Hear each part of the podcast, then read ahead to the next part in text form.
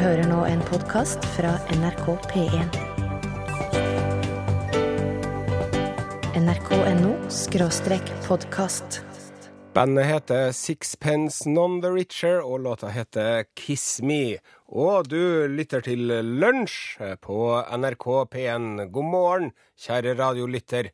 Lunsj er jo et uh, sleivete, lettbent underholdningsprogram med varme og humor, ledet av Egersunds uh, store sønn Rune Nilsson.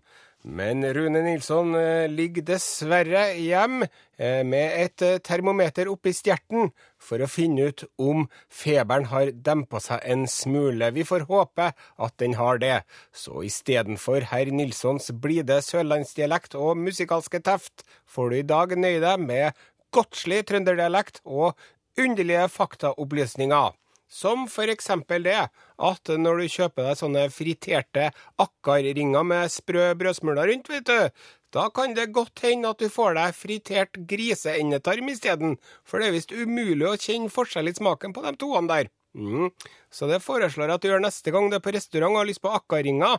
Da må du huske å kikke kelneren inn i hvitøyet, og så sier du jeg tar en porsjon akkaringer', men ikke å prøve å lure oppi noe fritert griserektum i stedet. Jeg kjenner forskjell, og hvis jeg kjenner smaken av gisle nå, da blir det månelys her. Ja. Og så kan man jo diskutere da, hva som er verst av å spise et bløtdyr som blekksprut, eller enden på grisen. Jeg syns nå begge deler høres nokså nasty ut da. Ja. Mm. Og for øvrig så er det på plass med en liten korrigering her angående det der med Rune Nilsson og tempen hans.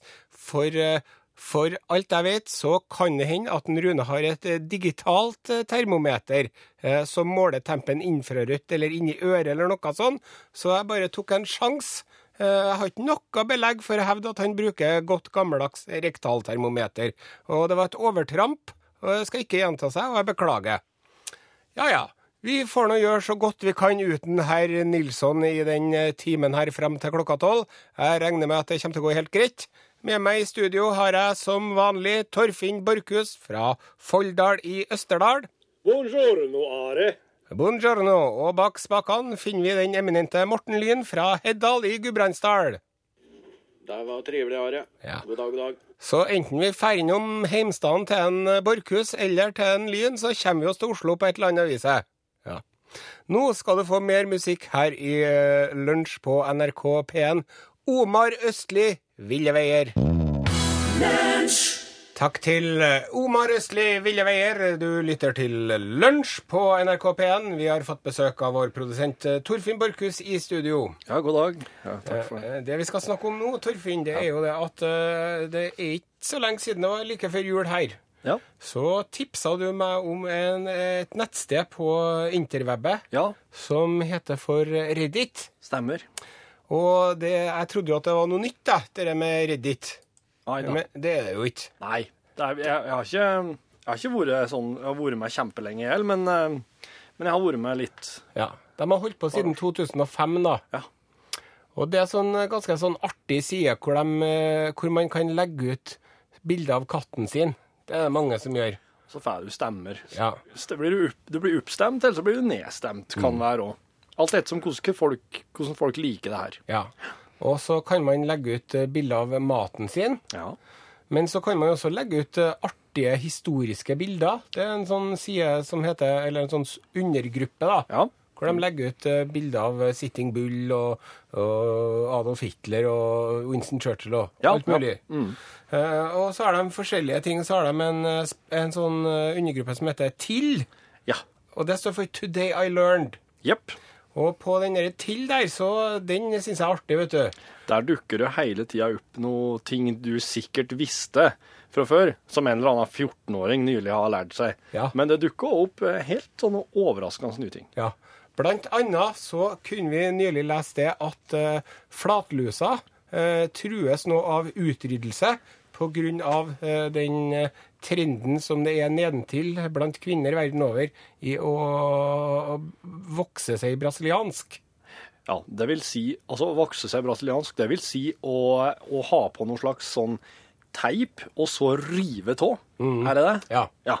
Det er intimfrisering, kan vi kalle det. Ja. Intimfriseringen truer flatlusas eksistens. Dette her er jo akkurat som om For jeg, jeg har hørt, det er mulig jeg har hørt på det.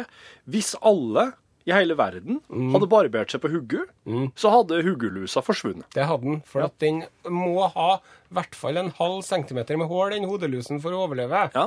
Uh, og, det bruk, og så klarer den seg ikke uten verten sin i mer enn tre eller fire dager. Nei.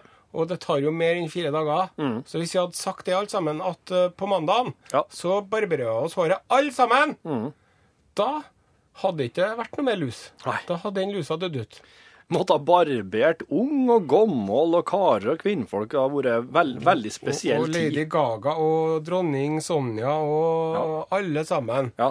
Det hadde jo øh, Jeg ser for meg at øh, hatteindustrien hadde gnidd seg i nevene ja. av den der.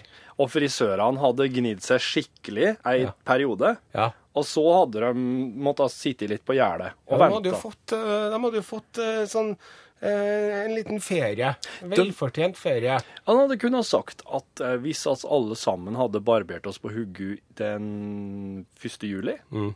så kunne frisørene til ferie. Men da hadde hatfolket fått veldig mye gjort. da. De hadde ikke kunnet ha ferie. Nei.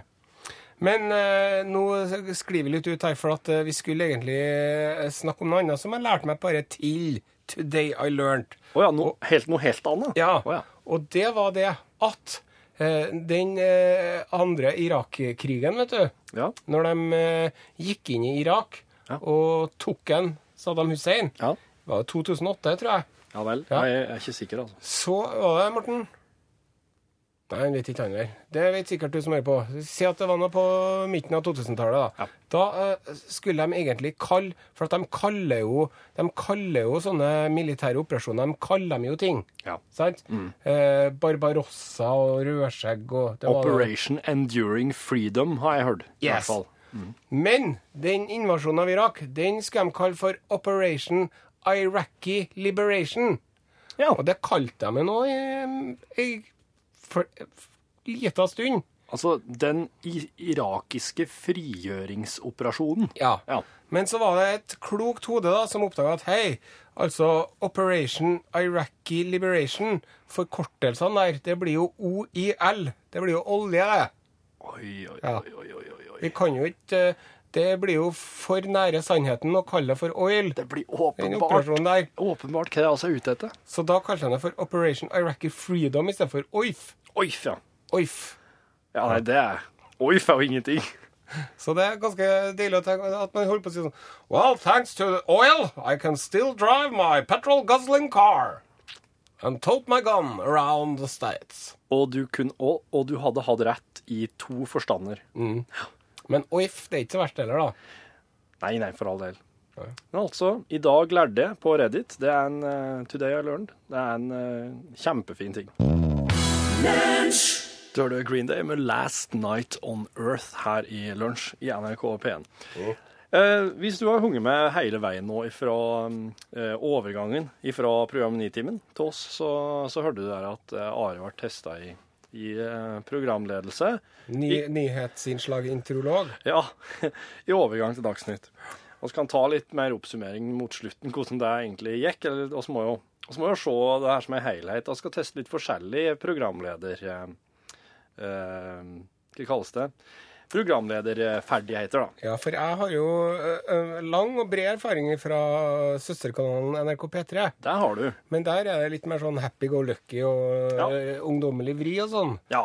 Her i P1 så er det jo lange tradisjoner og mange ærefulle institusjoner som må observeres. ja.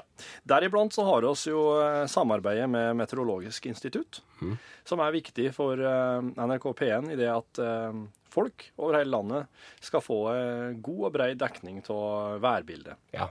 Eh, nå Hvis det blir storm, Ja. så skal man vite det, hvis man hører på NRK P1. Ja. Du skal få vite alt som eh, vil påvirke deg. Eh, vær og trafikk og Nå må du ta inn klesvasken, hvis ikke så blæs underbuksa di til værs. For eksempel. Så nå, nå har jeg altså værvarselet som gjelder ut den dagen her Ja. på hånda. Du skal jo du skal ikke lese hele. Nei, Det, det det er for langt. trenger du ikke, for at eh, de vil uansett få det i andre programmer. Ja. Men jeg vil gjerne at du nå Are, skal lese et eh, utdrag til hverdagens værmelding. Mm. Eh, og radiotekniker Morten han kan sette på et lite værunderlag, slik at det blir en realistisk situasjon. Eh, Dere som hører på, må gjerne skrive inn og evaluere underveis dere hva dere syns om de forskjellige eh, innslagene fra Nare. Ok. Vær så god.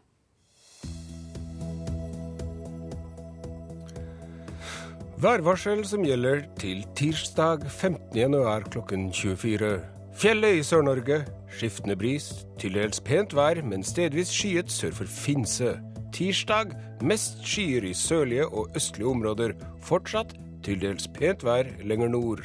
Rogaland. Øst og sørøstlig frisk bris utsatte steder. Tirsdag øst- og nordøstlig bris. Kan hende litt snø i sør. Ellers opphold og til dels pent vær. Dette var et utdrag av værvarselet. Hør der, ja. Du, du, eh, du, du slutter plutselig å prate dialekt. Ja, Eh, Det, det må du ikke gjøre. det må jeg ikke gjøre. Ok, Skal du holde på dialekten? da? Ja, hold på dialekten din. Ja. Ja, den er så fin og, og ei praktfull dialekt. Takk for det. Men du hadde ei veldig djup og fin stemme, og du har god diksjon. Ja, Djup og god diksjon. Hva syns du om pustinga? Det det er vanskelig nødt å knekke penpuste. Jeg la, jeg la ikke merke til den, derfor så var den perfekt. Okay. Så penpusten var helt, eh, helt fin, den. Fin pust. Nei, det var, det var øh, hvis, du, hvis du vil evaluere litt, du som hører på, l-krøllalfa.nrk.no, det er e-post, gratis. Eller eventuelt øh, send en tekstmelding, kodeordet, kodebokstaven L først, og et nummer 1987. Nå skal vi få kose oss med Kari Bremnes. Eh, Låta heter 'Nytt imellom oss'. Takk til eh, Kari Bremnes. Du lytter til Lunsj på NRK P1. Du viser så langt eh, veldig gode programledertakter her i P1-are. Takk for det. Eh, og jeg legger, og jeg, nå tenker jeg spesielt på eh, artistene og sangene og spiller. Ja. Og hvordan du introduserer, og hvordan du, du når sangen er over, at du sier hva vi hørte. Mm. Eh, nå skal vi eh, jekke opp et eh, par knepp her. Okay. For nå har vi fått besøk i studio av eh, Erling Moss Korsnes. Han jobber i trafikken. Velkommen hit, Erling. Takk for det. Erling! Unnskyld, jeg sa Ja. feil. Ja. Jeg, er ikke, jeg er ikke programleder. Nei. Eh, nå skal oss, uh, det, her, det som kommer nå, kjære lytter, det er en reell trafikkmelding. Okay. Det her er, det er fakta. Du hører det i lunsj, og det er fakta. Så skal vi bare sette i gang. Det kan du si. Ja. Da skal vi først til eh, Akershus, for det var et eh, trafikkuhell på E6 nett nord for Oslo ved Vam i Skedsmo. Et av feltene i kjøreretninga nordover mot Gardermoen er sperra. Og Statens vegvesen advarer mot glatte veier flere plasser på Østlandet i dag, særlig i Østfold og Akershus. Vei, veisaltet har lite virkning pga. kulda. Eh, Vegvesenet har mannskap ute for å strø, men trafikanter oppfordres til å holde avstand og redusere farta. Yes. Hva skal vi si til det her, Erling? Er det en vanlig trafikkmelding, eller er det Det er ganske vanlig på, på vinteren eh, når det blir kaldt og eh, det skjer stort sett mye når det er, når det er glatt og vinter. Er det Vegvesenet og politiet som ringer til dere, eller er det dere som følger med på nyhetene? Liksom, eller hvordan gjør dere det her? Det kan være begge deler. Ofte, ofte er det Vegvesenet som ringer oss, men også ringer veldig mye rundt til politi og Vegvesen og ja, alle som egentlig har noe med det å gjøre. Men eh, veldig mye lyttertips også, da. Det er egentlig, egentlig lyttere som er liksom den store Kanskje den beste informasjonskilden vi har, egentlig. Ja. Så hvis det er noen nå som eh, driver og kjører på veien, og så ser de at oi, her har det velta en, eh, en eh, lastebil med høns på rv. 6. Da, da ringer de til oss, rett og slett. 805 ganger 9, som vi eh, bruker alle muligheter til å få ut på radio. Eh, så får vi stort sett med det. Og så må vi jo minne om det som en eh, Erling sa her, at det er veldig viktig å holde avstand, ikke bare nede i Østfold, men også over hele landet. Og det man skal gjøre, da, man skal liksom merke når bilen foran kjører forbi f.eks. en lyktestolpe, og så skal man kunne telle til 1003 før man sjøl kommer til den eh, lyktestolpen. Da har man eh, tre sekunders avstand, og det må det være. Om vinteren kan det egentlig være greit å telle til 1005. Det som faren min bruker å gjøre, vet du, han bruker å bråbremse. Hvis han syns at bilen bak ligger for nærme, så bråbremser han. Og så kikker han i speilet, og så tar han armene sammen og så drar han dem fra hverandre. Så sier han 'hold avstand! Hold avstand!' Men det skjønner jo ikke de som sitter bak, men de får seg nå støkk når han bråbremser, da. Ja. Det var dagens eh, trafikkmelding her i lunsj. Her er Maroon 5, 'One More Night'. Yes. Uh, moderne musikk her i NRK P1. eh, Maroon 5 og One More Night. Og vi hilser til eh, pensjonistene fra Nordea Bank, som er på andre siden av glassruten her. De kan ikke radiolytterne se, men vi ser dem nå her. Hallo. Rett som det er, så Hei, hei. hei. Er er, dere på omvisning på NRK? Ja. ja artig. Uh, eh, over til noe helt annet. Ja. Jeg leser på internettet, vet du, på den tidligere nevnte TIL, Today I Learned-spelten. I dag lærte jeg på Reddit. Mm. Eh, I dag så lærte jeg noe artig, og det var det at eh, forfatteren Jon Ronald Røel Tolkien, Ja, tolken, ja. ja, J.R.R. Tolkien, Ja. eh, forfatteren av Hobbiten og Ringenes herre, Ja. han er det jo utrolig mange som leser nå. ja. Ja. Og alle sammen syns jo at det er så artig med Hobbiten og Ringenes herre. Ja, ja, ja. Men det som ikke så mange vet, det er at han, Tolkien han var jo foreleser på Oxford, han. Ja. Ja, Han var en lærer, kan man si, mm. på 40-tallet eh, på Oxford. Og da ble han regna som den kjedeligste foreleseren i hele verden. Nei. Jo, Nei. Som foreleste i det kjedeligste faget som fantes. Hva for et fag, da? Eh, engelsk filologi og litteratur, angelsaksisk, språkvitenskap. Åh. Og altså, han var den kjedeligste foreleseren som foreleste i det kjedeligste faget på den kjedeligste måten det gikk an. Men de, de visste ikke, de som hadde han som eh, foreleser, at han samtidig drev og skrev på det her eh, Nei, jeg tror ikke de hadde fått med seg det. Nei. Så det er ganske artig å tenke på. Altså, åh, Tolkien, åh, for en kjedelig fyr. Å, herregud. Han må være den kjedeligste mannen. Jeg tror ikke han har tenkt en interessant tanke hele sitt liv. Og så hjem satt han og skrev, vet du. På ja. det store eposet der. Tenk på det, du som eh, sitter på lesesalen og, og, og strever litt med, med studiene, Mm. og så tenker du å få en kjedelig foreleser hun der, der er. Mm. Te- Tenk på hva hun egentlig hva som, det spennende åndslivet, sikkert. ja, hva hun, der, eh, Det kan jo hende hun driver med noe helt vanvittige greier. Det kan det. Ja. Um, Send meg rekene, er du snill. Eh, angående det her med det som P1-programleder, Are, så du klarer det godt, vil jeg si. Mm. Takk for det. Eh, og et av kriteriene er jo det å prate med lytterne våre. Ja. Innringere. Eh, der syns jeg at du fikk bevisst veldig godt i går at du, at du klarer. Mm. De Den skal spille et klipp fra i går. Kan du vinne en skyggelue? Hallo, ja. Ja, hallo, ja. Hei, hvem er vi snakker med nå? ja du snakker med Ann. Hei, Ann. Hvor ringer du ifra? Ja, jeg ringer fra Tjukkest på Toten. Ja, på Toten, ja. Men den smaker kaffen her òg? Ja, ja. Ja, ja, ja. ja. Ja, det er kjempebra. Her har du alt som skal til. Ja. Her har du til og med en liten artig uh, greie om, om, ka om hvordan kaffen smaker på Toten. Jeg trodde jo det lenge, vet du, at man måtte ha en eller annen kunnskap om det stedet personen ringte ifra. Ja. For å si noe, men det må man ikke. Nei. Man må bare komme med en eller annen sånn hyggelig meningsløshet, sjø. Ja, I for, forrige uke så sa han Rune et eller annet som at ja, men det blir folk av dere òg. Ja, ja, super. Her, det arket jeg gir deg nå, det er ei fiskerimelding. Dette her, her er noe som eh, P1 er nødt til å, å sørge for at eh, fiskerne får høre, får høre og får, får i god tid, Ja. slik at de i sitt, sitt yrke kan følge gjeldende lover og regler. Akkurat. Eh, det her finnes det ingen slags lydunderlag attåt. Så nå vil jeg bare at du skal ta ei kort fiskerimelding som gjelder for nå. Ja. Vi avbryter den vanlige sendinga med en eh, viktig melding fra fiskeridirektøren. 11.1.2013. Foreløpige faktorer i ringnot og trollgruppens fiske etter norsk vårgytende sild i 2013. Faktor i det konsesjonspliktige ringnotfisket etter not norsk vårgytende sild i 2013 er fastsatt til 4,1. Faktorer for fartøy med tillatelse til å fiske norsk vårgytende sild med trål i 2013 er fastsatt til 2,63. Fiskeridirektøren henvendelser Inger Anne Arvesen, telefon 468 Nei, det trenger jeg ikke ta. Det der skjønte jeg ingen verdens ting av, altså. Nei, og det, det er derfor det er en krevende øvelse. For det her er ikke noe som eh, en, en vanlig programleder i P1 uh, har noen forutsetning for å forstå. Nei. Men av og til så får man en sånn i hånda, da må man lese det.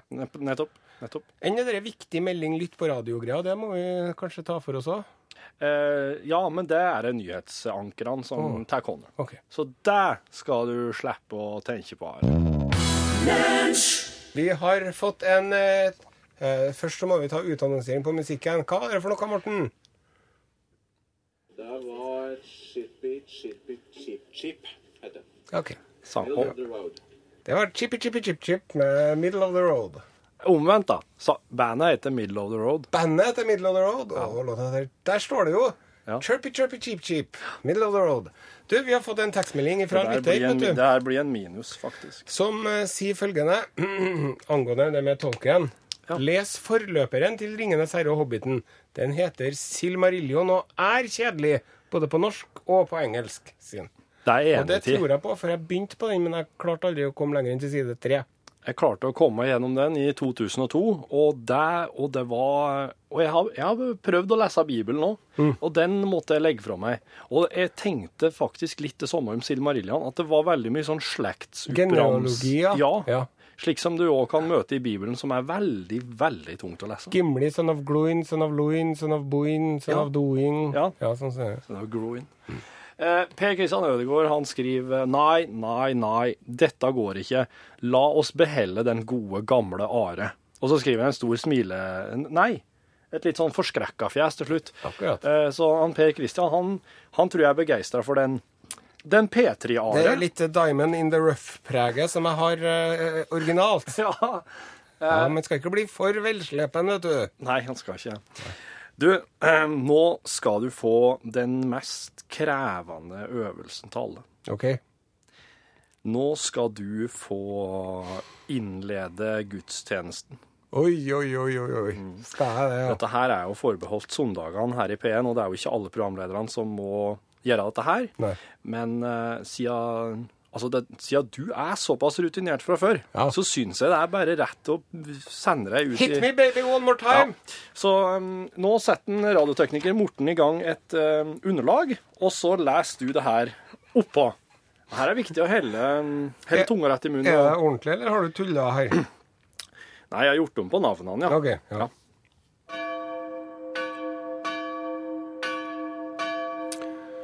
I dag sender vi gudstjeneste fra Langsalting domkirke her i NRK P1.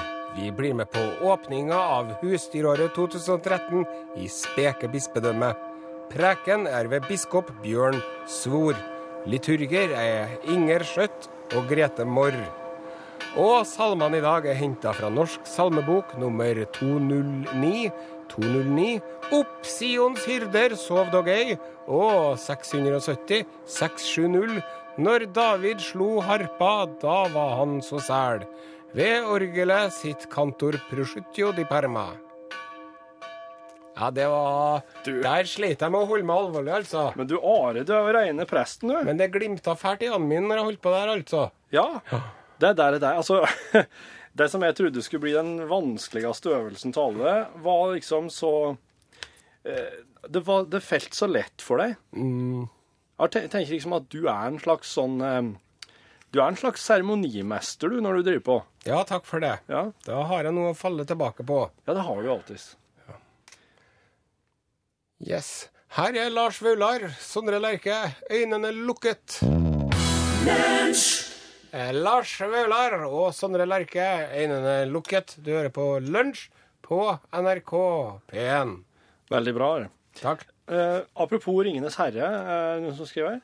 Eh, sk eh, skal man eh, tolke tolken rett, så handler historia om toppsjefen i en herværende mineralvannfabrikk. Ringnes er det? Nettopp. Mm. Har du tenkt over den før? Nei. Nei?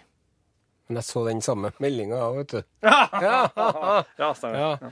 Men um, nei, det er jo artige saker, da. Jeg har ennå ikke sett den Hobbiten-filmen. Nei, Har du? nei, har ikke. Nei, jeg har lyst til å se den, altså. Ja, ja.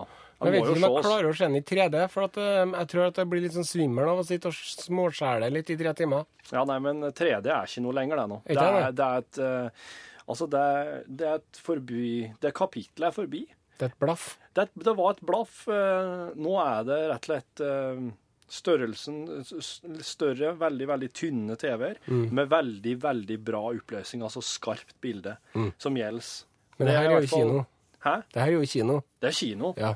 Altså, meg, altså heimekino i, i ordets rette forstand. Det er ikke Jeg, jeg har jo fulgt med på um, en kompis som har vært på ei sånn teknologimesse nå, mm. og han eh, understreker jo det hele tida at det, det er ingen som er der med 3D nå. Nei.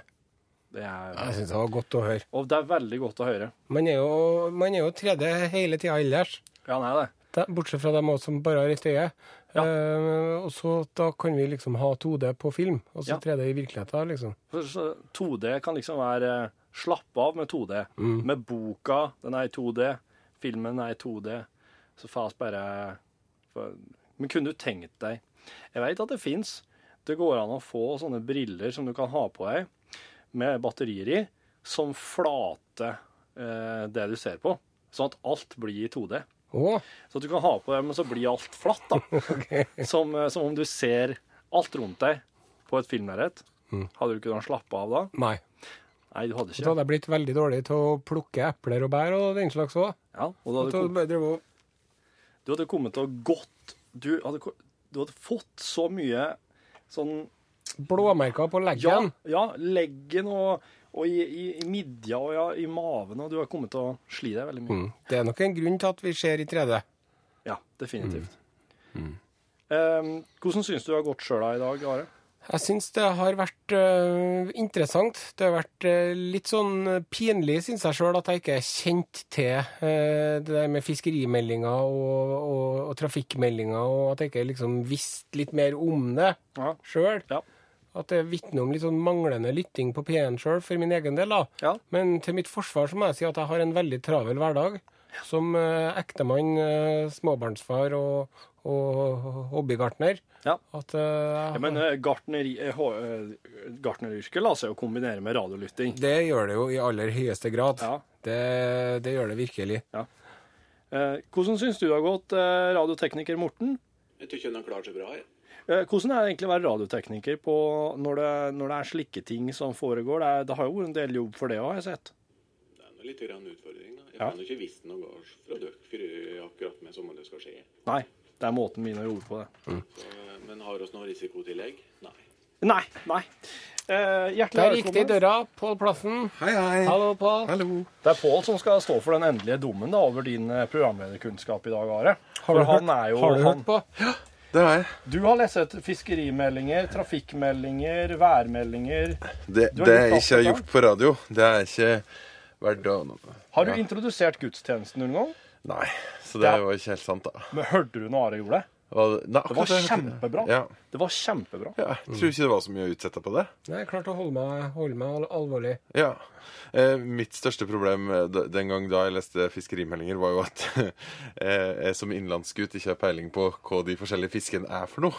Eh, hva brosme og alt mulig. Altså, jeg hadde jo ikke peiling. Eh, så jeg snubla litt der. Ja. Det skal jeg innrømme. Fikk du kjeft, da? Eh, ja. Det gjør en jo uansett om en gjør noe feil på radioen. Men det er jo godt å høre at du òg har drevet og snublet litt innimellom uh, før i tiden. da. Du Plassen. herlighet, snubla rett som det er når som helst. Gjør du? Det, ja. Men det lærte meg en gang, for å bli litt alvorlig, at den dagen du tør det, å snuble litt, da går altså meget bedre. Mm. Det er det ikke så. Men når du bare får spørre, unnskyld meg, men når du snubler, er det så at du da sier 'oi, uff, det var dumt', eller bare går du videre? Eh, eh, det spørs hva slags snubling det er. Litt feilprat, det går jo greit, liksom. Men vet du hva jeg gjorde en gang? Jeg tok og så mista en appelsin ned på det der tastaturet som Torfinn har framfor seg, slik at alle de her små jinglene og alt det her begynte Sånn her? her. Så, så alt, begynte, alt liksom begynte å spille på en gang. Eh, og da var jeg ganske fersk, og det var grusomt. Og den appelsinen rulla rundt oppå der, og du greide ikke å stoppe den. Nei, det var helt eh, krise. Eh, det, var den gangen da. I dag så skal vi eh, sette fokus på dyrenes verden, fordi det, det er slik at vi får besøk av vårt kloke hode når det gjelder dyr. Herr Bøckmann er på plass og, og spør om dyrenes forfengelighet. For jeg har jo lest et sted at det er det som skiller oss fra dyr. At mennesket er forfengelig. Det er ikke dyr. Men jeg tenker vi skal prøve å etterprøve den påstanden litt i dag. Og det går an å stille spørsmål til Petter Bøckmann. Eh, bruk mobilen din, kodeordglasset nummer 1987. Kan du lure på noe om dyr og forfengelighet, eller et annet spørsmål fra dyrenes verden?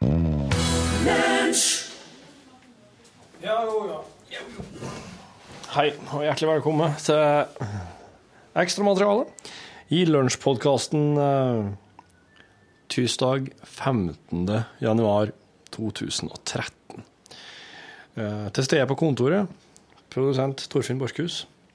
Eh, underveis Are Sendosen, programleder. Og jeg vet ikke, kanskje noen andre òg. Hvem veit? Det er slik det er her i, i ekstramaterialet. Det er jo en kontorhverdag. En kontorhverdag etter sending. Post, sending, kontorhverdag du er med på. Og hvem det er som kommer innom her og banker på og skal spørre om diverse og har noe å melde, det, det veit du like mye om som oss. Så klart så har du også en slags Det er jo en forventningssirkel her, da. Det dukker jo Det er jo ikke sånn at eh, Trygve Hegnar kommer inn. Eller Anneli Drekker. Eh, og, men hvis Trygve Hegnar har kommet inn, så eh, Trygve, kom og sett deg. Kom. Jo takk. Eh, hva bringer deg hit? Du, jeg hadde noe jeg skulle spørre deg om angående eh, finansieringen av eh, den eh, en, en nettmedarbeider i, i lunsj som kunne hjulpet dere med å, å, å, å eh, eh, legge ting på.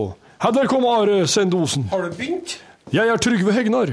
Jeg er innom eh, for å snakke om finansieringen av en nettmedarbeider i lunsj. Ja, din gamle gris.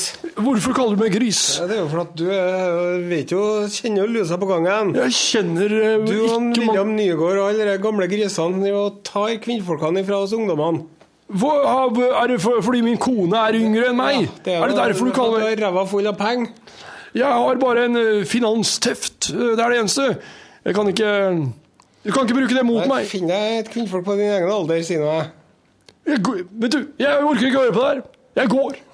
Ja, ha det, Trygve. Der gikk en Trygve Hegnar. Ja, good riddance. Men hvis vanlige drekker hadde kommet inn her, da, hva hadde du ville spurt henne om? Da vet du, Jeg er jo sånn fan av Anneli Drikker. Ja, du er det, ja. Ja, fy faen, ass. Hun syns jeg er så kul. ja. Og eh, det er jo ei utrolig bra plate, vet du. Fra begynnelsen av 90-tallet. Med en sånn engelsk eh, postpunker-reggae world music-fyr som heter Ja Wobble. Ja, har, jeg har hørt om det. Ja Wobble and The Invaders of the Heart, tror jeg den het, den plata her. Men, men det, er, det her er Anneli Drekker solo, eller altså Men, men, men hør nå! Ja. Anneli Drikker er med og synge vet du, på den plata her. ja. Sammen med en Ja Wobble. OK. Så, så utgivelsen heter Invaders of the, uh, ja, den, eh, and The Invaders of the Heart. Der er Anneli Drikker med på et par låter. Og jeg var på en konsert med hun Ja. på, for lenge siden. Han gutten er sikkert myndig og kjører bil og alt mulig nå, ungen hennes. Ja. Og da had, var hun gravid, sjø. ja. Og så sto hun på scenen du, med fullt orkester. mm. Og høygravid med en baby inni magen. Ja. Og sang som en, en gudinne hun synger som. Ja. Og da tenkte jeg med meg sjøl, den ungen der, hvis ikke den ungen der blir musikalsk, ja. da vet ikke jeg. Du, det, det er verdt å sjekke ut. Ja. Ha den ungen blitt musikalsk. Dette her var begynnelsen til 90, var det det du sa? Ja, det var sånn uh, par 3-94. Den ungen kan jo fort være 20, den da. Ja, ja, ja. ja. Ja, ja. Da går det an å Da Du merker det på en 20-åring om det er noe musikalsk eh, arv der. Da. Men da ville du spurt Anneli Drekker om eh, Du, der er ungen din! Er en musikalsk, han! ja. Ja, det ville du spurt henne om. ja. Ja. Og så ville jeg spurt hva gjør du i kveld, Anneli? Nei, eh, jeg drikker, hadde vel hun sagt, da. Ja. For du drikker vel, du? Ja. Eh, det gjør, det gjør Osen òg. ja. Og han Osen er veldig glad til portvin. Men nei. For anafylaktisk sjokk av portvinet. Hva er det for noe? Eh, høy puls. Hæ? Ta portvin? Høy puls, åndenød. Uh, Forklar. Rød, rød som en eh, Hummer? kirsebær i hele, hele ansiktet. Veldig flammende rød på brystet. Uh, høy puls. Uh, veldig sånn ubehagelig følelse i hele meg. Tungpusten, andpusten. hyperallergisk reaksjon mot det forferdelige grumset, tror jeg, som er nedi portvin. Ja, så du, Så du veit ikke sikkert nesten ti år, jeg. Du vet ikke hva det er som gjør det helt hvor Nei, men det er enkelte sånne viner jeg Og i, når jeg var i Syden nå, så drakk jeg noe gin tonic en kveld. Ja. Da fikk jeg litt. Ja. Fikk jeg en sånn lett variant. Men sånne søte dessertviner, det tåler jeg ikke. Da Nei. blir jeg helt krise. Og jeg var jo på mm, Trondheims beste restaurant, som heter Restaurant Credo. Ja. Uh, var her sammen med kjæresten og spiste for mange tusen kroner, vet du. Mhm. Og avslutta med et glass portvin og måtte bare dra hjem og legge meg og ta allergimedisin, for jeg var jo helt ja. Vel, ja. Så portvin er, er noe forbanna drit. Det er, det er notert. Slik er det viktig å vite, for at eh, Ja. Hvis at du feirer runddagen en gang, så kunne jeg fort ha kommet meg ei flaske portvin. For jeg levde i den villfarelsen at Ja. du elsker portvin. Da hadde jeg sagt Borchhus, bøy deg over pulten her, er du snill. Hadde jeg sagt Så når jeg skal Da hadde jeg skratta sånn. Når jeg skal lage Jeg har en oppskrift på kyllingleverpostei, sjø. Ja. Etter den franske kokken eh, Jean-Michel Jarre. Nei, han heter for uh, Jean-Pierre Boulebon. Clouseau. Nei, hva heter han da? Inspektør Raymond Blanc. Raymond Blanc. Han har en oppskrift på um, kyllingleverpostei. Og der skal det være oppi portvin, men det er ikke faen om jeg har oppi portvin. altså. Le coq de postei. Men sherryfromasj, derimot oh, Sherry fromage. ja. Hva er det for noe? Er det en, eh, dessert? Det er en oppskrift eh, jeg har fra min mor etter eh, moren til stortingsrepresentant tidligere Stein Ørnhøi fra Sosialistisk Venstreparti. Ja vel. Hun- Den heter Fru Ørnhøis from,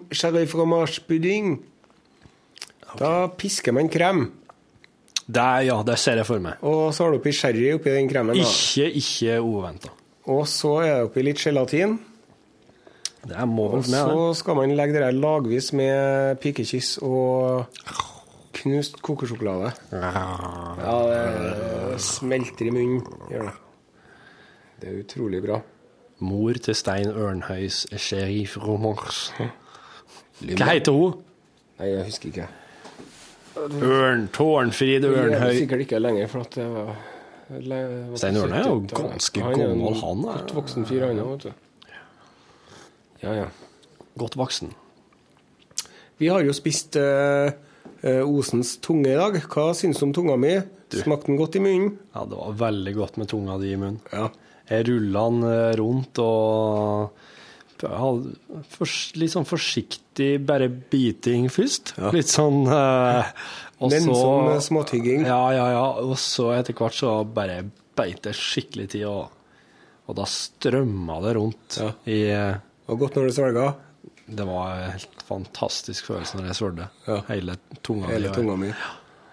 Ja, og der- der har du gjort den eh, Denne der har du stelt godt med, altså. Det må jeg si. Ja. Nei, For nye lyttere så er det jo eh, oksetunge vi snakker om. Som jeg fikk for en slikk og ingenting på bunnprisbutikken her. 57 kroner for hele tunga. Og den var kanskje på en to kilo. Ja, over ett kilo, ja. Ja, det er veldig, veldig bra. Og så trekker den i en god buljong i en par-tre timer. Ja. Og så er det med tunga at med en gang den er ferdigkokt, så må du ta den opp, og så må du rive av det skinnet tvert. ja. Det belegget som er Ja, det Er det ganske tjukt? hvite hinner. Ja. ja. Og, men hvordan gjorde du det? Nei, den eh, Det er som å ta av et kondom, omtrent. Du må liksom bare Eller som skrelle en appelsin eller en banan, omtrent. Ja, for det Du er, liksom det er rive den av. For det er en forskjell på å ta av en kondom, og skrelle en appelsin og skrelle en banan. Ja, det er tre Hva er det nærmest? Det er det egentlig Hva skal jeg sammenligne med, da? Eh, kanskje som å Kanskje som å flå en fisk, kanskje? Å ja, så du sto og skar? Du sto og Nei, jeg reiv den av, på en måte, ja. Ja ja vel. Så, så det der belegget her, det henger i hop? Nei, det er jo, ja, det er jo som en sånn Det er jo et skinn Det er sånn snerkete slimskinn. Ja vel. Det er ikke noe lekkert i hele tatt. Nei. Men så det som jeg gjorde med, når vi spiste tungene, så skar jeg av i tillegg så skar jeg av det ytterste laget. Ja. For at det skjer jo dette ja. nuppene og ja, sånn. Ja, det er ikke så lekkert. Nei. Du ser at det er tungøyhet. Men vi spiste tunga på mitt lavkarbonøttebrød. lavkarbonnøttebrød, Ja, det var veldig godt. som jeg lager med I ett brød så går det med seks egg og en boks med yoghurt og masse kli og forskjellige nøtter da, som er knust. Den oppskrifta der, den lytter jeg få. Ja. For den har jeg trua på. For det brødet var både høyt Høyt, og ja. hang godt i hop. Det gjorde det. Og det hadde ikke jeg Den erfaringa har ikke jeg så godt med sånn lavkarbobrød, eller altså sånn som ikke inneholder mjøl. Men du merker at, den, at du ikke er så veldig mett. Ja, jeg åt av tre skiver, og jeg er behagelig mett, ja. Altså, jeg lurer på om jeg jeg, jeg, har ikke noe sånn her kveitmjølsallergi, jeg, men jeg tror nå egentlig at jeg kan være tjent med å prøve å kutte det ut så mye som mulig. Det tror jeg òg. Når man har vokst ferdig, Jeg har jo det, jeg. ja, da tror jeg at man egentlig kan spise melprodukter kun til fest. Ja. er min teori, da. Ja. Og jeg er ikke sånn, at, jeg er ikke sånn fanatisk lavkarbofyr, men jeg mener at, eh, at mel blir man dorsk av. Ja, for at ja, det er den følelsen etter måltidet som er Det er ikke at jeg er så desperat etter å gå ned i vekt, men det er den, der, den, den, den gode metthetsfølelsen, den er jeg ute etter. Ja. Det liker jeg veldig godt å være, for jeg liker ikke å være sånn daumett. Det er forferdelig. Men så er det også sånn at, at når jeg spiser sunt, sunn og, og balansert mat, så klarer jeg å gi meg mens leken er god. Mens når jeg spiser pizza og pasta og. Ja. Ja. taco, så klarer jeg ikke å slutte før det, før det er noen som stopper meg omtrent. Ja. Så det er skrekkelig. Det er synd at det er sånn. Ja, ja. Sitter vi her og snakker om uh, kosthold igjen, vet du. ja. Det er sånn Ja. Jeg skal nå ha helstekt kylling i dag. Ja. Jeg kjøper meg, jeg kjøper meg en eh, Ikke den billigste, ikke den dyreste. Jeg kjøpte en såkalt maiskylling. Den koster 69 kroner kiloen. Den er fôra på mais. Ja. ja. Men den, det beste er jo å kjøpe sånne kyllinger som har levd et lykkelig liv. Ja. Frittgående og sånn. Men de hadde nå ikke det, da. Eller Nei. de hadde, men de hadde krydra dem. Og jeg liker ikke å kjøpe sånn ferdigkrydra mat. Nei. Jeg krydrer maten min sjøl. Ja. Men vet du hva jeg gjør med den høna? da? Jeg legger den med ryggen opp, vet du. Ja. Og så har jeg en sånn fiskesaks som jeg har etter uh, mor mi. Ja. Som jeg klipper vekk ryggsøylen med. Ja. Og så tar jeg snur den opp ned, og så legger jeg den oppi for meg, og så skusjer jeg den flat! Så slår jeg på den. Knekker det ønskebeinet, det brystbeinet. Ja, ja. Så at den blir liggende flat som en eh, pizza, nesten. Ja. Ja. Og så kjører jeg den inn i ovnen i tre kvarter, og that's it. ja. For da blir den så mye fortere ferdig. Så blir den saftig og god òg, for at du slipper å steke den så lenge. Osens sommerfugl Yes. kalles den eh, retten. Yes, det er akkurat det den kaller Torturert høne.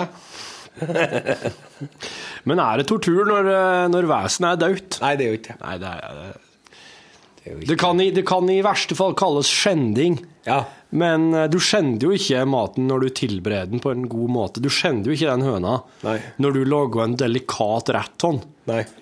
Og jeg håper sjøl, når jeg dør, Ja. at noen har eh, styrke til å klippe ut ryggraden min og brette meg ut i en langpanne og marinere meg med ingefær, hvitløk, sitron og timian. Og kjøre meg inn i ovnen. Det, det skal noe til, men eh, han kan ikke utelukke noen ting som helst Nei. i dag. Det var jo eh, sagt med litt sånn tunga i sida av munnen, det der, da. Ja. Men han, i går når vi satt og spiste lunsj, vet du Ja. han Bjørn Tore Grøtte, som vi jobba sammen med i P3 før, har han vært her på podkast? Det har han ikke. Har ikke han det? Nei. Det burde du gjort. Han er jo Glad i å prate. Men han fortalte han har noen venner som har høns i hagen. Ja. Og dem skal jeg få nummeret til, for jeg har, har en drøm om å ordne meg til sommeren. ja. Jeg har en drøm om å ordne meg høns uti hagen min på Til sommeren. Ja, jeg vil ha ferske egg hver dag, som jeg skal koke. Og da skal du ha Nederland, nei, hollandsk eh, hallois, da, er det det? Eller skal du ha sånn fransk brugle? Nei, jeg skal bare ha noe Skal bare snakke med noen som har noen hønser, og få meg noen høner. Ja. Skal ikke ta en sånn spesialhøne til å begynne med? Det var jo, det var jo noe, han andre sjefen i P3, han Roy som satt der, Ja. han prata vel om noen som hadde noen veldig sånne spesielle italienske, fargerike høner som var veldig fancy. Ja. Og Så som kom var reven og tok dem. en etter en. Det var en stille sommernatt vet du, at reven ut til hiet spratt. For at han skulle ut på hønsejakt, og han skulle i bondens hønsehus, ja. Ja, det skal du. Hus, ja. Hus, ja. Skulle ut på hønsejakt i bondens hønsehus. Uh, skal vi se. Rakkjen Rakkjen skvassar i helge, f- Huringen blæs i hånd. Å! Hva er det her for noe? Hanan sted på stabburskjella, bonden gjeve hånd om hånd, hånd om hånd.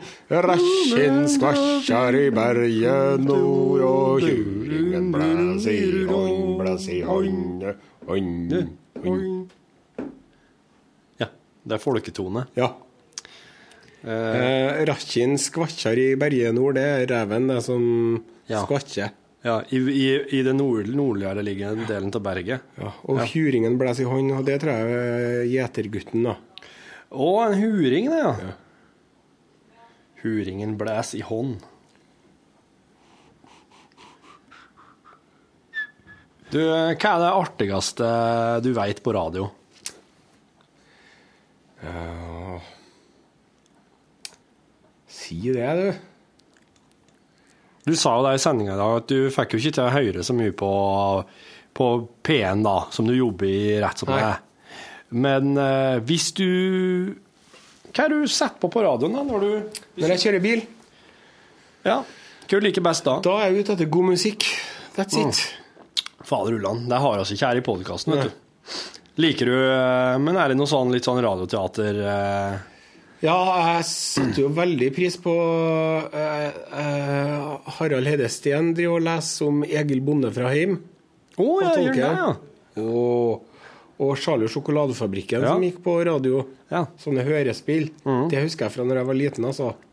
Det var saker. Men ehm, Nei, vet du hva, det er litt sånn rart å si, men når man jobber i radio, vet du, ja. så blir man litt sånn lei av å høre på radio, faktisk. Jo, det er noe med. Du har det liksom hele dagen på jobben, og så blir det sånn at du vet hvem de er, de som snakker. Ja. Og du vet at de ikke ser ut sånn som de høres ut. Ja, ja, ja, ja. Og så har du sett dem klø seg i nesen og alt mulig sånn, så det er litt sånn Ja. Og så sånne konkurrerende kanaler, så er det jo alltid når jeg skrur på det, så er det jo reklame. ja. Og det syns jeg er jo helt skrekkelig å høre på. Det orker du ikke. Nei. Så jeg er forferdelig. Hvis du hadde men, men hvis du skulle ha laga en reklame, Ja. eh, hvordan ville du gjort det da? Da skal jeg sagt sånn Ja, vi på Kiwi Ja. Vi driter jo egentlig om du lever sunt. Men vi prøver nå å tjene penger så godt vi kan, da. Så derfor så har vi nå satt ned prisen på økologiske grønnsaker, da. Ja. Så sånn er med den saken. Ja. Og det er noe billigere enn de fleste andre, så kjøp grønnsakene dine på Kiwi, du, så får du økologisk mat, din bortskjemte jålebukk. Sant? Det var en kjempe Ja. Det er snedig. Ærlige, Jeg tror det ærlige reklamer. er reklamer, reklame, ja. ja. Sånn, her på Choice Hotel så driter vi i miljøet, vi som alle andre. Men vi prøver nå å spare, spare inn penger der det kan spares inn. Så hvis du ikke slenger håndkleet ditt på gulvet, men henger det opp, så betyr det at jeg vil bruke håndkleet mitt en dag til, og da sparer du miljøet og oss for penger, så det er win-win for oss alle. ja. Ikke å late som de er så opptatt av miljøet. Faen, altså. Petter Stordalen han driter vel i miljøvern, han er idioten der. Tror du han gjør det? Ja. Nei, jeg tror han, jeg tror han er engasjert. fetteringen jeg. hans som er så opptatt av pels. Faen, ass. Ja, Men det må lov å være opptatt av pels. Og jeg tenker meg på en Bob Geldof som ferjerte på yachten til Petter Tordalen i sommer. Ja. Da tenkte jeg, ja, Bob Geldof. Du har ikke noe mye interessante venner du heller, som er nødt til å dra på båten til en Petter. Men det er sikkert en det svær, bra, kul båt. Ja, det er det. Kjøpe seg venner. Så det er greit for han. Kjøpe seg venner. Det har han sikkert vært gjort siden han var en liten kjøpmannssønn i Larvik. Han har kjøpt seg venner hele tida. Kjøper seg kvinnfolk og venner og festene sine og alt mulig. Men det som har vært artig å se hvor mange som hadde gidda å vært sammen hvis han ikke hadde ei kron. Ja, men det Og jeg syns det er litt tussig med sånne folk som kjøper seg venner. Jeg syns litt synd på dem. Ja, det, det er jeg enig med deg i. Det er jo en slags Det vitner jo om en slags Kanskje en, i en sosial eh, Han har jo et napoleonskompleks, den lille spretten der òg. Ja, napoleonskomplekset, det er at du ønsker å være noe større enn det du er. Det, Ja. Mm. Du ønsker å være med en liten sprett. Sant? Men hvis han ikke har vært det, hvis han har vært 10 cm høyere, vet du, så hadde han sikkert vært lærer i Larvik i dag og vært fornøyd med det. Men siden han eh, er så liten og sprettete, så er han nødt til å kompensere på andre måter. Ja, så du mener at eh, rett og slett størrelsen her eh, spiller inn på ja. Skal passe deg for små folk. Dem er noe i veien med. Sier du det, ja? De er skumle. De okay. har noe å ta igjen. Ja, de har noe de skal overkompensere for. Ja. Men det, det kan jo gi seg utslag i andre ting òg. Hva slags andre yrker kan du finne små folk i? Ja? Ja, nei, de er De er ofte kjøpmenn, da. Er det sånn? Jeg vet ikke, jeg. Nei? Tom Cruise er jo også liten. Ja. Og Aksel Hennie er en liten sprett, han òg. ja. Men det jeg sier, pass deg for de små sprettene, men samtidig så er det de små sprettene som får verden fremover, da. Ja, det er dem som er the people who move the earth. Yes. Har du lest den der Ayn Rand-boka? Nei. Nei, for det er jo noe slik eh, Litt sånn eh, En sånn verdenselite som eh, for, Forstå at det er noe som alle høyrepolitikere leser. Liker Ja. veldig godt. Ja, Det tror jeg. Han Torbjørn Isaksen ja, Isaksen, ja. Birkeland og alle de driver og leser sånt, ja. Ja. ja, ja, ja. Men ja, du, du, du har ikke lest noe av Ayn Rand? Orker ikke å lese en Rand, altså. Det kan du få gjøre uten meg. Men Veit du hva det går ut på? Nei, men jeg bare vet at det er ikke noe for meg. OK. Så Nei. jeg, er litt sånn som dere muslimene er og dere sataniske vers i forhold til den. Jeg bare vet at det er ikke noe for meg. Nei. Skjønner jeg? Skjønner. skjønner. Og Du kan jo bare vite det. Jeg veit ikke hva det er som gjør at jeg velger å gå for ting. Nei. Hvis at jeg, hvis at jeg ser ei bok, Navnet navn på boka, navn på forfatteren Det er ikke sikkert at det er noe, at det er noe av det som vekker noe vekker noe til meg, at jeg, kjenner, at jeg kjenner det igjen. Men noe er det som gjør det. At jeg drages mot det. Ja. Jeg veit ikke hvorfor. Og så begynner jeg å lese, og så er jeg kanskje veldig kjapp med å kaste det fra meg. Da. Men man må gi det en sjanse. Ja. Hvis du først har begynt. Jeg driver og det det har jo vært utrolig mye utgreiing om eh, Adolf Hitler nå i eh, Knausgård sin Min kamp 6. OK. Fy faen, han gjør grundig arbeid. Altså, noe så vanvittig hva han leser og skriver om. Alle mulige filosofer og biografer og alt mulig i, for, forut for Hitler, i tida rundt og i tida etter. Han leser så sjukt mye. Og han drar sånne store linjer og, og, og, og liksom gir en sånn Gir en sånn derre inntrykk av Adolf Hitler som privatperson, som hvordan han var og hadde det. og Ja. jeg, blir helt, jeg, blir, jeg blir veldig fascinert av det. Og så ser jeg liksom at eh, Adolf Hitler han var i, han var i eh, skyttergravene under første verdenskrig. Og da var de når første verdenskrig begynte, altså når han der fyrsten ble skutt og andre verdenskrig, første verdenskrig begynte Frans Ferdinand Frans Ferdinand, ja. av en Gavrilo Princip. Ja, da var det ingen som helt visste hva de kriga for. Nei. Men siden det var så lenge siden det hadde vært en krig, Ja. i sånn 1880-tallet, så ble de unge som ikke hadde opplevd krigen, de ble, sånn, de ble helt sånn oppildna og eh, kjempestolt og lykkelig. Nå samhold. Nå skal Ja. vi stå i lag. Skal vi bevise vår manndom? fiende. Ja. Nå skal vi ut og slåss og gjøre noe nytte for oss. For de var rett og slett der som oss er i dag, de. Ja, ja? De var der at de ikke hadde opplevd noe nød, og det var velstand på den tida der, i 19, altså fram til 1914. Og så Og så blir de så glad. Og så viser det seg at dette her er jo ikke en krig der mann går mot mann, gjerne til hest, kanskje med sverd. Det her er jo industriell krig. Her er det maskiner som dreper folk. nedtur. Nedtur. Skikkelig nedtur. It was a particularly sharp piece of mango, wasn't it, Field Marshal Haig? Sier en Blackadder til en Field Marshal Haig i Det er jo en av de beste beskrivelsene av den krigen her, er jo Blackadder, den siste Blackadder-serien, vet du. meningsløsheten og hvor forferdelig det var. Dæven skal være glad du slapp. Oh. Ja. Jeg, jeg lurer på For at jeg tenker som så at nå oss stare, oss som ikke har opplevd krigen Det gjelder jo Altså Dine foreldre De opplevde krigen, begge to. De opplevde krigen. Og det kan faren min bruke å si om den saken. Nei. Krigen. Det er ikke noe vits å drive og snakke om krigen. For de som ikke har opplevd den, de kommer aldri til å skjønne det. Og vi som har opplevd den, vi kommer aldri til å glemme det. Så det er ikke noe vits å snakke om krigen. Men det var jo det som de hadde under krigen, vet du, de hadde jo et sånt samhold. Ja. Og det må ha vært utrolig deilig å ha en eh, helt konkret en felles fiende som ja. alle sammen var imot. da. Ja. Og så tror jeg også at når den freden endelig kom, så må det ha vært helt magisk hvor utrolig deilig det må ha vært. Og hvor eh, fantastisk alt må ha virka i årene etterpå. Liksom, tenkte jeg, når du er 15 år i 1945, da har du verden for dine føtter. Altså. Hvis ikke far din var med i NS, da. Da har du ikke så mye verden for dine føtter, men hvis du har vært eh, uheldig og vært forelska i en tysk soldat Ja. og fått unge med han. Da har du i hvert fall ikke verden for dine føtter. De klarte å trikse det til enkelte av altså NS-karene, vet du. Ja. de snu- snodde seg unna. Ja. Men du Her skal jeg komme på en ting.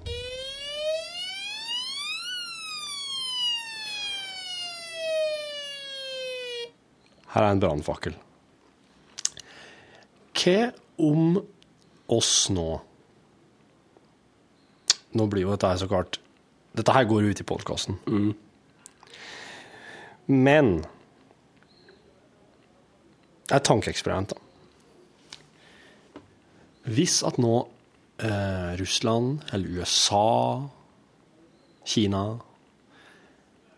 rett og slett går i hop og sier at nå det ser ikke så bra ut her på jorda. Oss klarer ikke å samarbeide. Oss, eh, oss er bare opptatt av vårt, og det, det, går ikke, det går ikke rett veien. Det går feil vei. Oss er nødt til å ordne oss en felles fiende. Det kan ikke være noen her på jorda. Oss er nødt til å konstruere en felles fiende der ute i universet. Oss er nødt til å samkjøre fakta, eller samkjøre våre opplysninger. Oss er nødt til å ha en, en felles forklaring, oss er nødt til å ha, eh, kunne si det samme. Og alle andre som er involvert i romfart på noen som helst måte, må Mm. være med på det her. Oss må finne en planet en eller annen plass. Kanskje vi har identifisert noe romskip, eller et eller annet. Og så har i hvert fall funnet en trussel mot menneskeheten ja. utenfra. Det er bare oss som vet om det her. Oss må samkjøre forklaringene våre, og oss må spre det her, til alle innbyggerne på jorda. Og oss er nødt til å ha en lang, lang, lang strategi på hva det er vi skal gjøre for å stå samla mot den felles fienden, og hva slags eh, forebyggende tiltak vi skal gjøre. Hva tror du det hadde Starship Troopers. Ja, og har funnet en planet med kjempeinsekter. Som skal knuses. Å, det faderullan. Ja, det hadde vært kjempebra vet du, med å fått en sånn At vi kunne slutta, å slåsse oss imellom. Ja. Ja. Disse ressursene dere bruker på å slåss der nå, de trenger oss her. Ja. Og oss trenger at det skal rettes ditover. Oppover. Og dere er nødt til å bruke disse tingene her til å bygge en slags sånn eh, satellittkommunikasjonsgreie som skal rettes ditover. Ja. Oss trenger den. ja. Vi må sende en laser Ja. mot Alfa Kentauri. Alle, og dere alle kongolesere, nå leverer dere inn disse børsene, for de skal smeltes om. Skal vi bygge Ja. noen slags uh, svær dings nedi her. Ja. Ufo-radar. Ja, det skal være ufo-radar her nå. Og dere nede i Vestbredden Det er Nå- bare å slutte opp. Ja. Hold fred! Slutt opp med det der! Se der nå! Jeg blir så sint når dere krangler hele tida. Å, er dere nødt til å krangle? Nå, har oss nå driver vi og skal gjennomføre noe tiltak her. Ja. Eh, oss skal nemlig ha en, eh, Den skal ha en sånn radarforvirringsgreie nå her Ja. nede i, eh, Jerusalem. Ja. Som må ligge så nære ekvator. Ja. Så det må skje her. Ja, og det er noen palestinere som har fått i jobb å bygge den, for de var jæklig gode på det der. Så nå må dere slutte opp med det her. Sånn, ja. Takk. Nå var dere flink. Det har vært Du må behandle dem som unger, vet du. Ja. Han er nødt til å bare gå inn og si sånn. Det har vært skitdeilig. Og så hadde jeg ikke Altså, det er klart det må ikke gjøre sånn at folk tror at de skal dø i morgen. Han er Nei. nødt til å legge det fram på en litt sånn måte at eh, Og så funnet en planet eh, Nei, det er romvesener på vei. De, har 100 år på oss før de kommer. Ja, den er ikke dum. De er på vei, ja. Ja, Men de har ikke eh, lysets hastighet, de heller. Men om 100 år så er de her. Så -hmm. Så i løpet av 100 år så må vi ha skitten vår together Ja. og være i stand til å forsvare oss Ja. mot de flyvende insektene For det er som er ute etter å spise oss og ta kvinnfolkene våre. Jepp. Og de er, for det er alltid slik på film at det, plutselig så er de der. Ja. Og har ikke sett noen ting. Nei. Har radar og satellitter, men eh, Og da, da er det ikke noe betenkningstid. Og da er du liksom avhengig av sånn som i Independence Day, at du er nødt til å bruke noen sånne morsekoder for å samkjøre arabere og kinesere og amerikanere. Mens nå har oss 100 år på oss på å get our shit together. Ja. Dere òg, franskmenn. Det gjelder dere òg.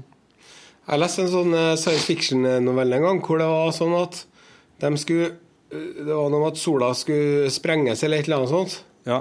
Og så var det de hadde oppdaga at det var en annen planet et stykke unna hvor det var eh, en sivilisasjon som kunne hjelpe oss.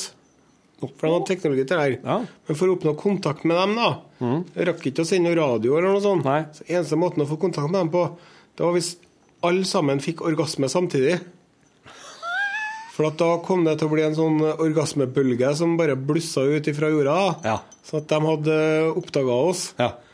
Så det var en sånn tale i FN da, som avslutta med So, ladies and gentlemen, we must love one another or perish. Tøft, ja. Ja. Jeg har jo liksom en slags idé om at hele den Hele den siviliserte verden har prøvd å forestille oss Nord-Korea som en slags fiende. Ja. Som en slags eh, trussel mot oss alle. For det har liksom vært sånn atomvåpen og Nord-Korea og ustabilt og helt Helt uforutsigbart. Og heldigvis plassert så langt unna oss som det går an. Det er gult. Ja, det er sant. Det er nordkoreanerne, tror jeg, er klin kokos.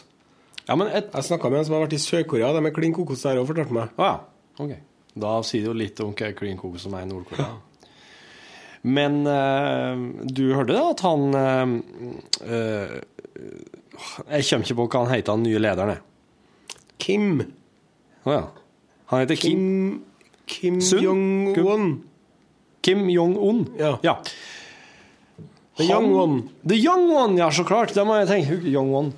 Eh, han har jo eh, begynt en sånn uh, frierferd mot Sør-Korea nå. Forbrødre, forbrødringsstrategi. Oppmyking. Ja, det er veldig bra. Det var jo overraskende. Ja, det er Ja. Men du vet, han har internett, han. Og far hans var ikke interessert i internett, vet du. Nei, ikke Mens han kan sitte på internett og lese, han. Og kan han faktisk lese Wikipedia. Går inn på Wikipedia, vet du. Ja. Så kan han lese hvordan det er i andre land. Hvordan andre land behandler innbyggerne sine. og- tenker jeg. Hmm. Hadde ikke vært Hadde ikke vært så hest å ha det sånn her heller, tenker jeg. Det blir jo litt mindre makt til militæret, men samtidig så ja, ja. Nei, jeg kanskje ikke er nødvendig å ha så innmari mye militære. Så leser du, Øst-Tyskland og Vest-Tyskland. Ja. Ble jo skilt etter krigen. og Var jo separate nasjoner i mange år, men så Se, nå er vi et land igjen. Ja, så. Og alle sammen liker det bedre, bortsett fra dem som ikke har noe penger til mat. da. Ja. Det er en del sånne sure østtyskere ennå. Ja, sånne os ja sånne, men sånne, det er jo noen sånne ostalgikere òg, Ja. som savner den tida da de eh, kjørte rundt i trabant og åt eh, bark. Ja. det! det! Du kan ikke savne det! Nei. Nei, vet du. Nei, det sier jeg òg syns er rart, ja. Nei, vet du, Are Sendosen. Eh, Forresten, eh, har du hørt noe fra eh, den egentlige programlederen, Nei, Rune Nilsson? ikke. Nei. Jeg skal sende meldinga. Kommer på jobb i morgen.